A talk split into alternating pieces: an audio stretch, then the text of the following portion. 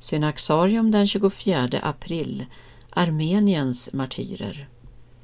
Idag ihågkommer den armeniska kyrkan sina martyrer, de oräkneliga som föll offer för den turkiska utrensningen under första världskriget. Natten mellan den 24 och 25 april 1915 påbörjades massarresteringar av armeniska politiker, kyrkoledare, journalister, advokater och intellektuella i Istanbul under förevändningen att Turkiets armenier planerade en revolt.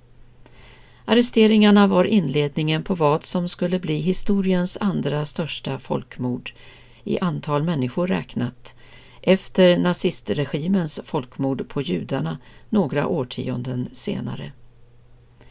Mellan 1915 och 1918 utrotades en och en halv miljon armenier genom omänsklig behandling och massdeporteringar där många dog på väg mot exilen eller i den syriska öknen.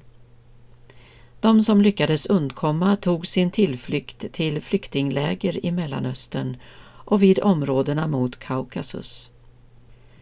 De orsaker som ledde till folkmordet, en märklig kombination av religion, etnicitet och politik, är svårförståeliga. Men armenierna minns sina bröder och systrar som dog under första världskriget som martyrer, som förföljdes för sin tro och sitt annorlundaskap. De bevarade berättelserna, liksom den historiska forskningen, har visat att ytterst få armenier förnekade sina fäders tro och konverterade till islam för att undkomma turkarnas ursinne.